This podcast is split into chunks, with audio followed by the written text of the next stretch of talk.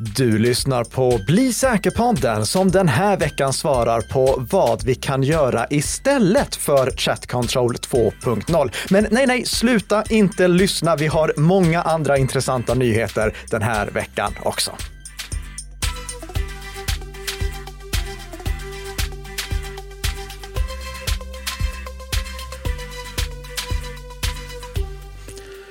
Ja du Karl-Emil jag tycker du spelar ner det lite. Inom politiken så hade vi ju ett ordspråk, eller konstaterande snarare, som sa att när du själv är trött på att tjata om någonting, det är då andra börjar lyssna. Ja, och ni må tro, jag är trött på att prata om Chatkontroll 2.0. Men det är viktigt det du gör. Ni lyssnar på Bli säker-podden då som sagt. Och det här är inspelat den 6 april. Dagen innan den 7 april. Och jag vill inte prata om den 6 april någonting mer. Eftersom det är din födelsedag. Ja. Grattis Peter Är det någonting man är, blir, är säker på är att man blir bara äldre och äldre för varje dag som går. Också för, för varje vecka som går, då man också blir lite säkrare. Ja. ja. och för att eh, repetera andra saker som vi säger i den här podden. Det här är en podd som produceras i ett ekonomiskt oberoende samarbete mellan Nika Systems och Bredband2. Veckans första snabbis, det är en väldigt glad nyhet, nämligen vem var det egentligen som vann Guldspaden i kategorin etermedia riksnyhet? Jo, det var ju Kalla fakta för granskningen smutsiga personuppgifter som vi gjorde tillsammans med dem. Så riktigt roligt att se. Ja, grattis till journalisten Emil Helleryd och fotograf Lovisa Turesson. Som youtuber, som fotograf, så måste jag ju säga att stilen på det här inslaget var imponerande. Oh ja. Men det var ju inte bara därför de vann, utan det här är ju en fråga som mycket när det kommer till it-säkerhet och integritet och, och ja, Buffalo Boy på internet. Så det hamnar ju skymundan i mer eh, mondana samhällsproblem kan jag tycka. Så därför är det så viktigt att vi har personer som dig Karl-Emil Nicka som hittar sådant här och lyfter upp frågorna. Och ni som vill se inslagen igen eller som inte har gjort det, var hittar vi dem då? De ligger länkade i veckans show notes. Vet du mer vad som var bra med just eh, Lovisas fotografering? Hon använder ju Sony-kameror precis som du och jag. Ja, vad härligt. ja. Du, eh, hur står det till med lökallergin? Eh, jag har ingen lökallergi, men det finns de som har en viss lökallergi som inte vill använda lökar i onödan. Och med lökar, då pratar vi givetvis om The Onion Router, Tor-nätverket. Vi har en stor nyhet på den fronten att eh, berätta om den här veckan, nämligen att eh, Tor-projektet, de har släppt Tor-webbläsaren utan Tor. Alltså så att man kan använda eh, samma grund som Tor-webbläsaren. Tor-webbläsaren den baseras ju i grunden på Firefox, men sen så finns det massa anpassningar som är gjorda på, eh, på Firefox för att ta bort möjligheten att spåra användare. Och sen så ligger då Tor-nätverket inkluderat där också så att all trafik routas genom Tor-nätverket för att anonymisera det. Men vad finns det för nackdelar med att använda Tor? Ja, Gillar man inte hammare så gör man inte. Alternativt långsamma webbsidor. Ja, exakt. Det, det, tog två sekunder innan jag fattade den första referensen. Men ja, problemet med Tor-nätverket är ju att det blir en långsammare användarupplevelse, vilket gör att inte alla vill använda Tor-nätverket. Men nu finns då en ny webbläsare som är Tor-webbläsaren, bara det att Tor-funktionaliteten är bortplockad. Men funktionerna för att förhindra spåning, för att förhindra avläsning av fingeravtryck som kan användas för att spåra användare mellan olika webbplatser och potentiellt också röja vem en specifik användare är. De funktionerna finns kvar och det gör då den här webbläsaren genom att ta bort de kännetecken som är avslöjande för en specifik webbläsarinstans. Till exempel, istället för att webbläsaren berättar vilken tidszon den befinner sig i, så säger den alltid att den är i UTC, alltså eh, Universal Time någonting, Control. Ja, men det är väl eh, Greenwich. Exakt. Ja. Och istället för att berätta vilka typsnitt som finns installerade så är det en begränsad typsnittsuppsättning som den rapporterar att den har. Och istället för att du som användare kan välja exakt vilken storlek på eh, själva webbläsarfönstret du vill ha, så är det bara fasta upplösningar som du kan välja mellan. Det där är ju panik. Ja, det, det, det, gör ju att det blir en försämrad användarupplevelse, men det gör samtidigt att inte din upplösning kan användas som ett tecken på vilken användare du egentligen är. Det finns jättemånga olika sådana här funktioner som då är kvar i den här Tor-webbläsaren utan Tor och jag lägger en länk till alla de eh, egenskaperna i eh, veckans show notes. Det ligger på Mullvads webbplats för den här nya webbläsaren, den är nämligen framtagen i ett samarbete mellan Tor-projektet och Mullvad VPN. Tanken är ju då att du ska använda Mullvad VPN, för med en VPN kan du ju få högre hastighet än vad du kan få med Tor-nätverket. Men eh, du behöver inte använda Mullvad VPN om du inte vill det. det, det webbläsaren funkar i sig oavsett vilken VPN du väljer. Men i den här webbläsaren så är Mullvads eh, lilla Firefox-tillägg förinstallerat så att du kan se att du använder Mullvad eller att du inte använder Mullvad. uBlock Origin, den enda innehållsblockerare som vi rekommenderar, den är också förinstallerad och hela webbläsaren är förkonfigurerad att använda Mullvads DOH-tjänst för att DNS-uppslagen ska gå över krypterade anslutningar. Eh, det är inte någonting som kostar någonting att använda använda eh, deras DOH-tjänst, eh, medan VPN-tjänsten, den kostar ju att använda. Så den får man komplettera med om man vill ha. Det känns som ett ganska så litet nålsöga där jag vill använda Tor-egenskaper utan att använda Tor-nätverket. Eh, men samtidigt inte använda Firefox är ju din favorit webbläsare av en anledning och VPN från Mullvad och så vidare. Ja. När, när hamnar jag i det läget? Ja, det, det, är ett väldigt snävt användningsområde. Jag tror inte att många av våra lyssnare kommer vilja ha den här som sin förvalda webbläsare. Men det finns säkert de som är extremt integritetsvärnande och vill ha den mest nedlåsta webbläsaren som finns när det kommer till att läcka information om eh, vilken användaren är baserat på webbläsarens fingeravtryck, men utan att gå via Tor, utan att istället gå via en VPN-tjänst. Eh, men ja, det, jag kan också tänka mig att jag ibland använder den i research-syfte om jag vill vara extra försiktig någonstans. Så jag har installerat webbläsaren eh, och upptäckt att Mullvar faktiskt råkar läcka det här ska jag nog inte berätta. Eh, men om man installerar webbläsaren och kollar noga så upptäcker man att Mullvad råkar avslöja en annan tjänst som de inte har aviserat publikt än. ja. Ehm, men jag, kommer ha den som min eh, eh, extra webbläsare som någonting mittemellan Firefox och Tor. Trots min storlek så är jag inget kakmonster. Hur är det med dig Karl-Emil? Gillar du en cookie dough någon gång? Eh, jag eh, gillar ju kakor, det gör jag mm, absolut. Det det, men eh, några som älskar kakor ännu mer, det är ju kakmonstret, det är mm -hmm. Cookie Monster. Och nu ska vi berätta om Operation Cookie Monster. Mm. Bästa namnet ja, på en FBI-operation ever. Ja, absolut. Det här är alltså en operation som FBI gjorde tillsammans med bland annat Europol och svenska polisen. Och det de gjorde, det var att de slog ut eh, Genesis-marknadsplatsen. Och om ni tycker att Genesis-marknadsplatsen, det låter bekant, har ni pratat om det någon gång tidigare? Ja, det gjorde vi i samband med att eh, DNs stjärnjournalister Linus Larsson och Kristoffer Örstadius publicerade hur de hade infiltrerat den här marknaden marknadsplatsen för att se vad som såldes där.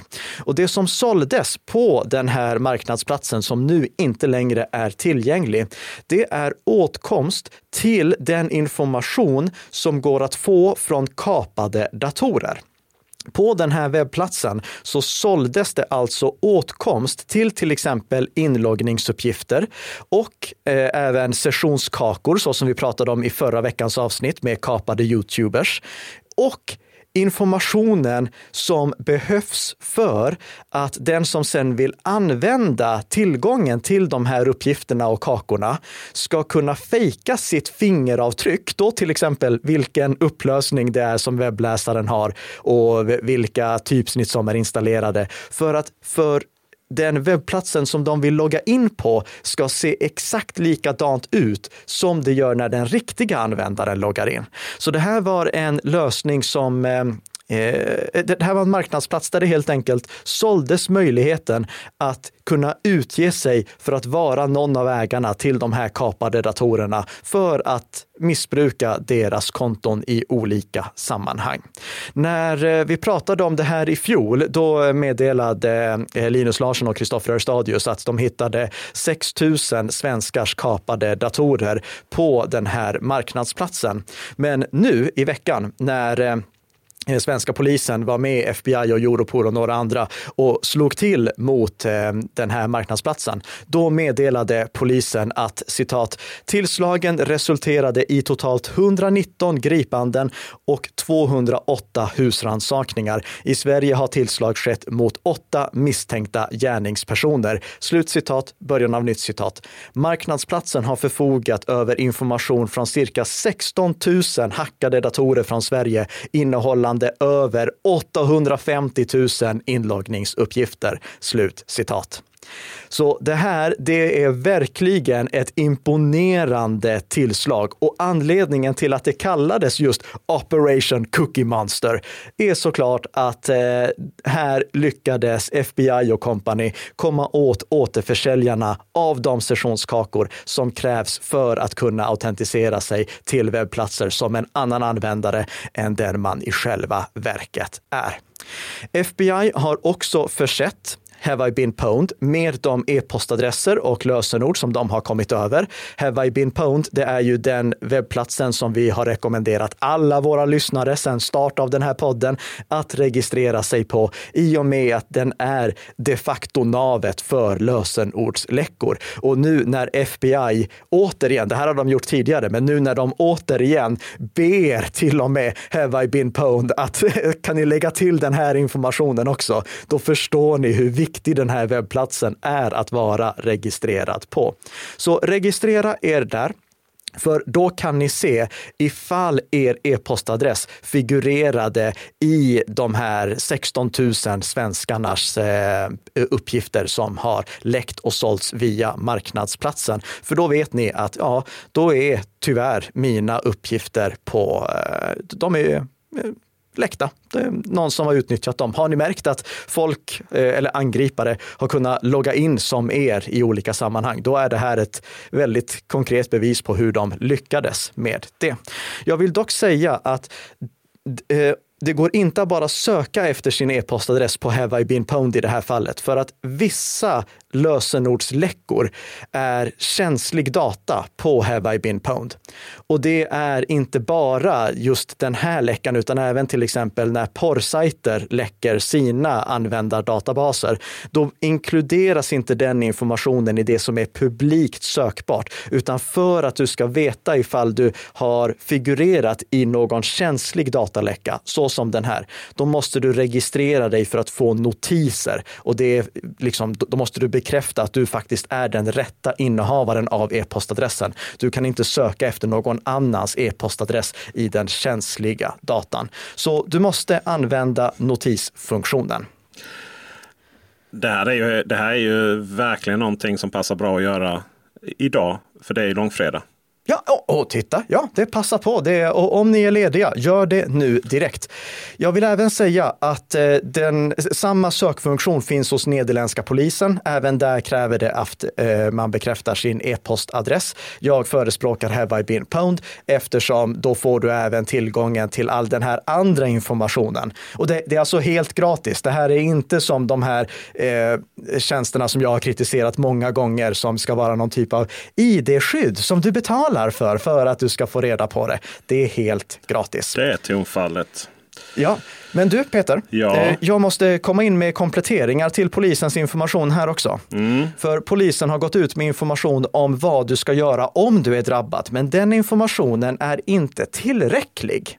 Det finns mer du måste göra om du är drabbad och vi tar det rent konkret här, bara en punktlista. Vad måste du göra om du är en av dem som har fått din dator infekterad med ett spionprogram som har stulit dina uppgifter och läckt dem till Genesis marknadsplatsen? Jo, för det första, se till att du kan lösenordet till din e-postadress. Varför återkommer jag till strax. Därefter, det som saknas hos polisen, töm hela din webbläsare. Eh, om du använder till exempel Firefox eller Chrome, egentligen vilken webbläsare som helst förutom Safari, då kan du välja att radera din profil och då försvinner liksom all information som du har sparat i din webbläsare. Allt det försvinner gör det först och främst. Eh, börja om på en ny kula. Och det här gäller alltså bara om du tillhör de som är drabbade. Men börja om på en ny kula. Skanna därefter efter skadeprogram på din dator med ett eh, bra antivirusprogram och logga sen ut överallt. Det här saknas också hos polisen. Gå till Facebook och logga ut där. Klicka på avsluta alla inloggade sessioner. Gå till alla sådana här sociala medier där funktionen finns och välj logga ut överallt. Så att de cookies som kan användas för att logga in som dig blir ogiltiga. Eh, ta framför allt sociala medierna, ta dina e-postkonton också om eh, du har eh, till exempel webbaserad e-post. Välj logga ut överallt så att du säkerställer att alla aktiva inloggningssessioner blir ogiltiga. Om man finns med här, är det ett brott som begått mot den? Ska man polisanmäla? Ja, du ska polisanmäla. Det är polisanmäl och framför allt efter att, det här, efter att du har gjort allt det här, kom ihåg, byt alla lösenord.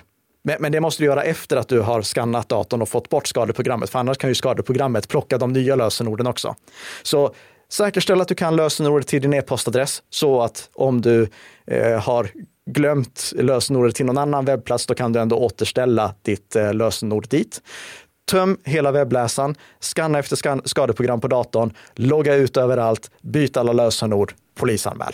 Det är värt att lyfta upp också att i den här bilden som symboliserar ja. hela kakmonsterhistorien så har de faktiskt eh, lyckats få in en kaka där.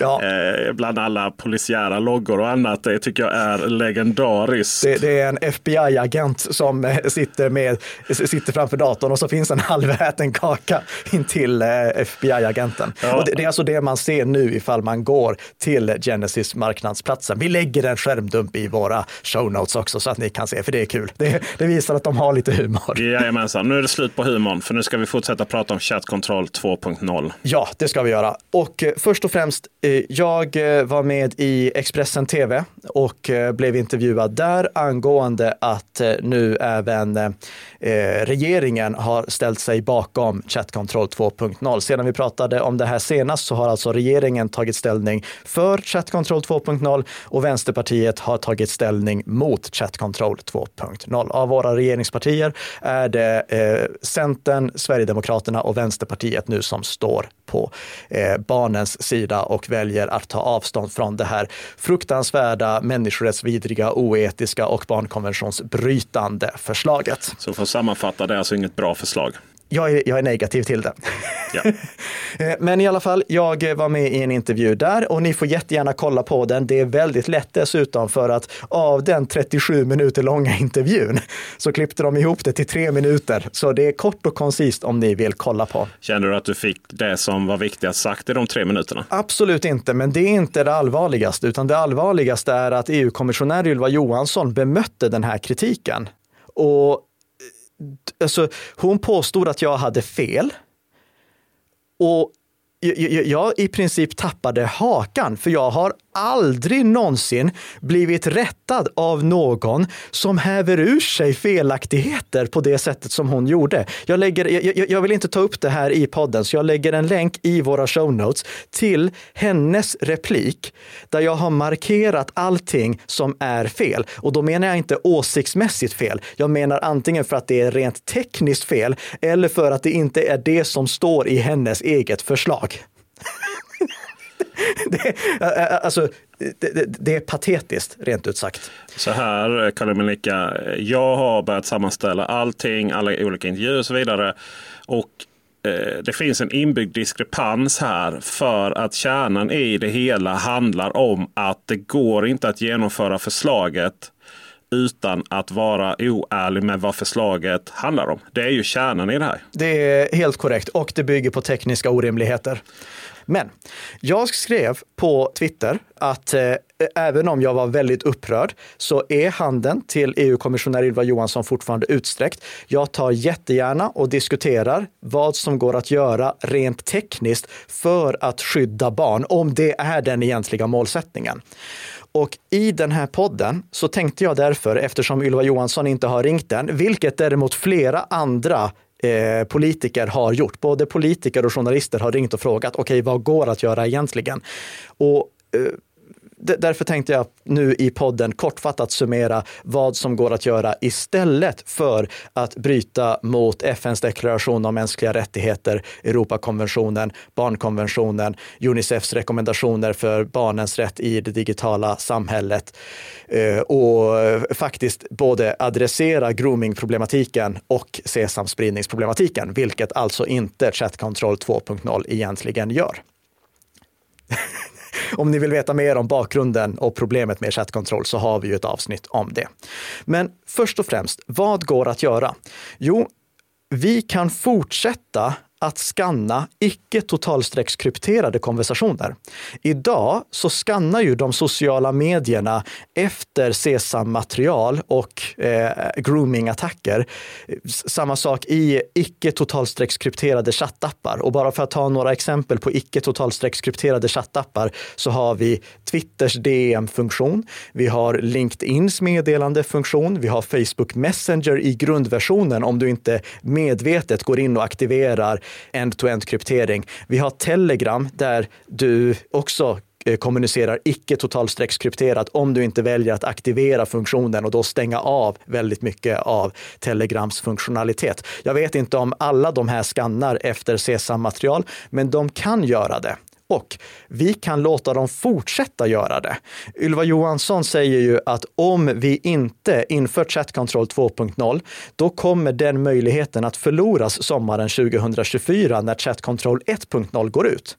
Men jag skulle säga, utan att vara jurist, att om vi kan införa det värsta massövervakningsförslag, om vi ens kan överväga att införa det värsta massövervakningsförslaget som någonsin skådats på den här sidan den kinesiska muren, då kan vi också förlänga nuvarande lagstiftning för att låta de här aktörerna fortsätta skanna de Eh, konversationer som de kan skanna i och med att de inte är totalstreckskrypterade. Eller eh, införa chattkontroll 2.0 så som att det var 1.0. Alltså det finns ju, ja, det är ju ingenting som säger att nej, nu är det bestämt att vi kan inte göra ett liknande förslag. Nej, det, uh, och det här, det är alltså någonting som jag till och med tycker, och lägg märke till att jag tycker att vi ska fortsätta göra det här. Jag tycker att tjänsteleverantörerna ska ha rätt att göra det, för det ligger i tjänsteleverantörernas eget intresse att deras plattformar där det finns risk för kontaktsökning med barn är trygga och säkra plattformar. Vi vill att de plattformar där det finns risk för kontaktsökning med barn, vilket är till exempel sociala medier, för där kan ju en förövare leta efter barn. Det är väldigt väldigt osannolikt att ett, eh, en förövare skulle söka kontakt med ett barn på Signal eller på WhatsApp där förövaren redan måste ha barnets telefonnummer för att kunna hitta barnet. Eh, men på öppna plattformar, där finns risken. Och där tycker jag personligen, här får man tycka annorlunda, men jag tycker personligen att vi ska fortsätta tillåta skanning efter SESAM-material och efter grooming-attacker så att det blir trygga plattformar för våra barn. Och det kan vi alltså låta de här plattformarna göra utan att samtidigt kräva att de ska bygga in bakdörrar för att kunna skanna efter totalstreckskrypterade meddelandens innehåll som är relaterat till SESAM-material och grooming-attacker. Jag liknar det hela lite vid hur vi hanterar vykort och brev. Eh, du vet, ibland Peter, så, eh, förr i tiden i alla fall, så skrev du saker på ett vykort. Och då var du helt eh, medveten om att det här är någonting som eh, en brevbärare kan läsa. Vem som helst som ser det här vykortet kan läsa det. Mm. Men ibland, då föredrog du att skriva ett brev istället och då, då la du det brevet i ett kuvert och stängde det så att om någon skulle öppna det, då är det upp till två års fängelse för den personen.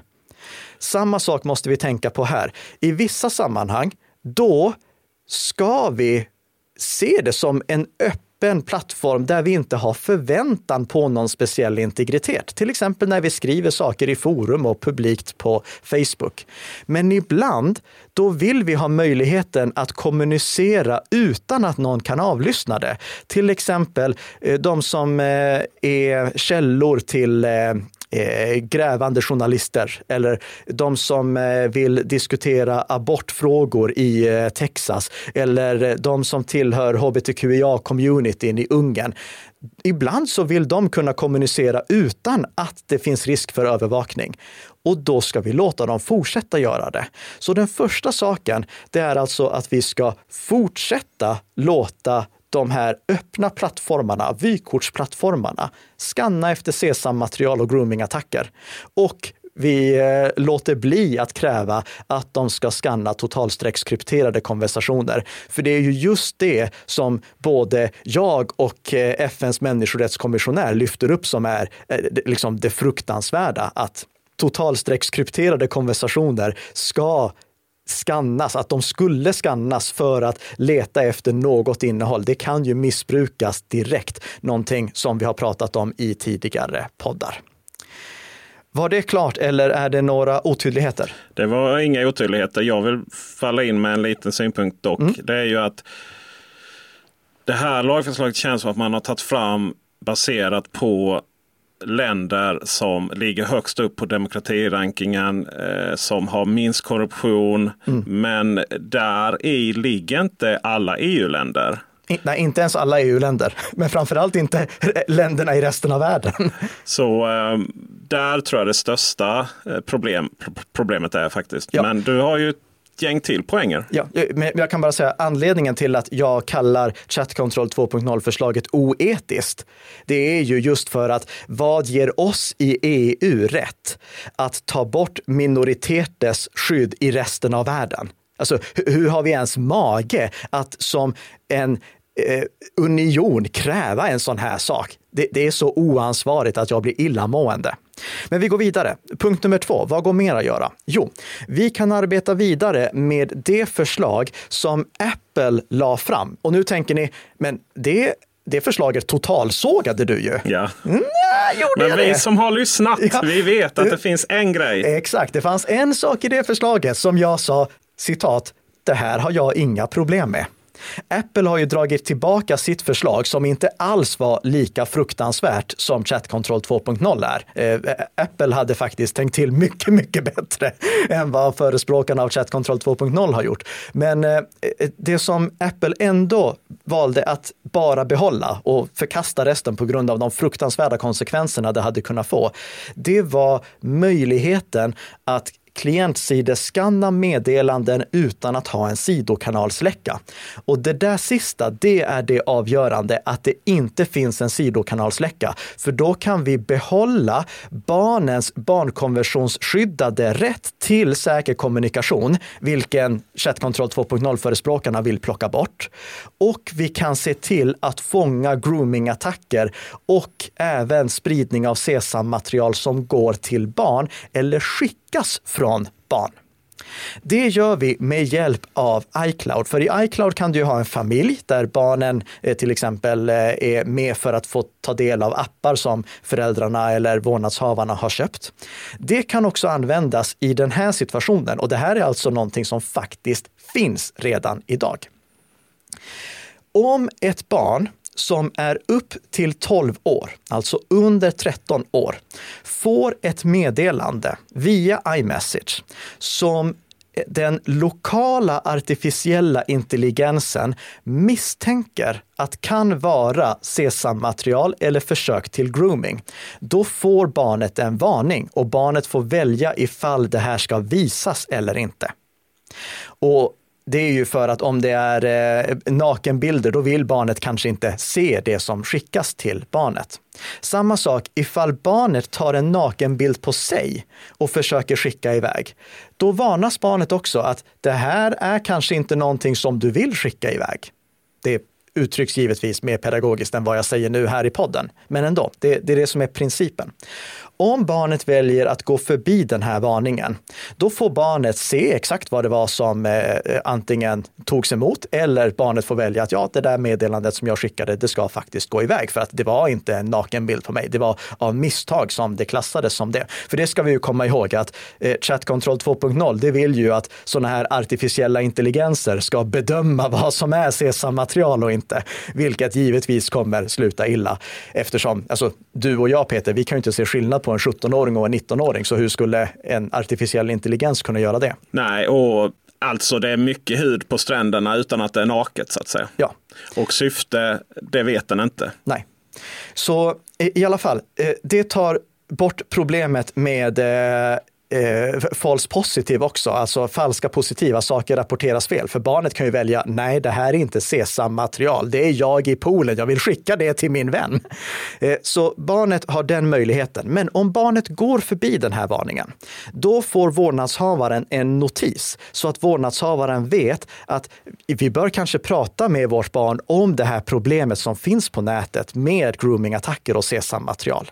Så det, det, informerar vårdnadshavaren om att barnet har gått förbi en sån här varning. Det läcker ingenting till Apple, så det är inte problematiskt ur det perspektivet. Och barnet har själv sin fria vilja, så vi tar inte bort några barnkonventionsskyddade rättigheter. Vi hjälper bara till att belysa det här problemet.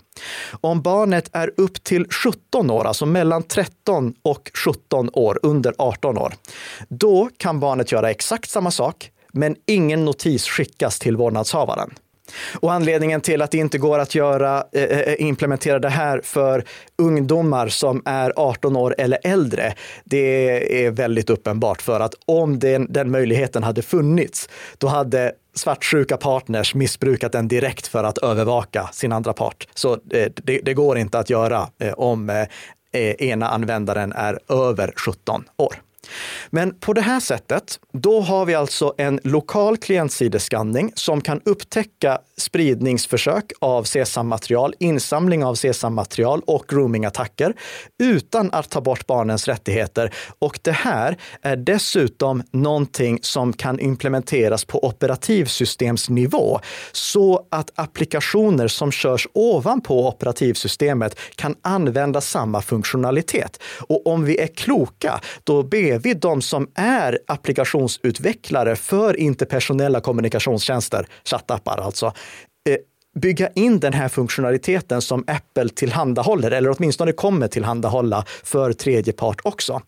Och Givetvis så ska vi ligga på Google att de ska bygga in samma sak så att barnet får den här extra skyddsfunktionen som kan hjälpa barnet att förhindra spridning av nakenbilder på sig själv och kan fånga förövare som försöker utföra groomingattacker mot våra barn.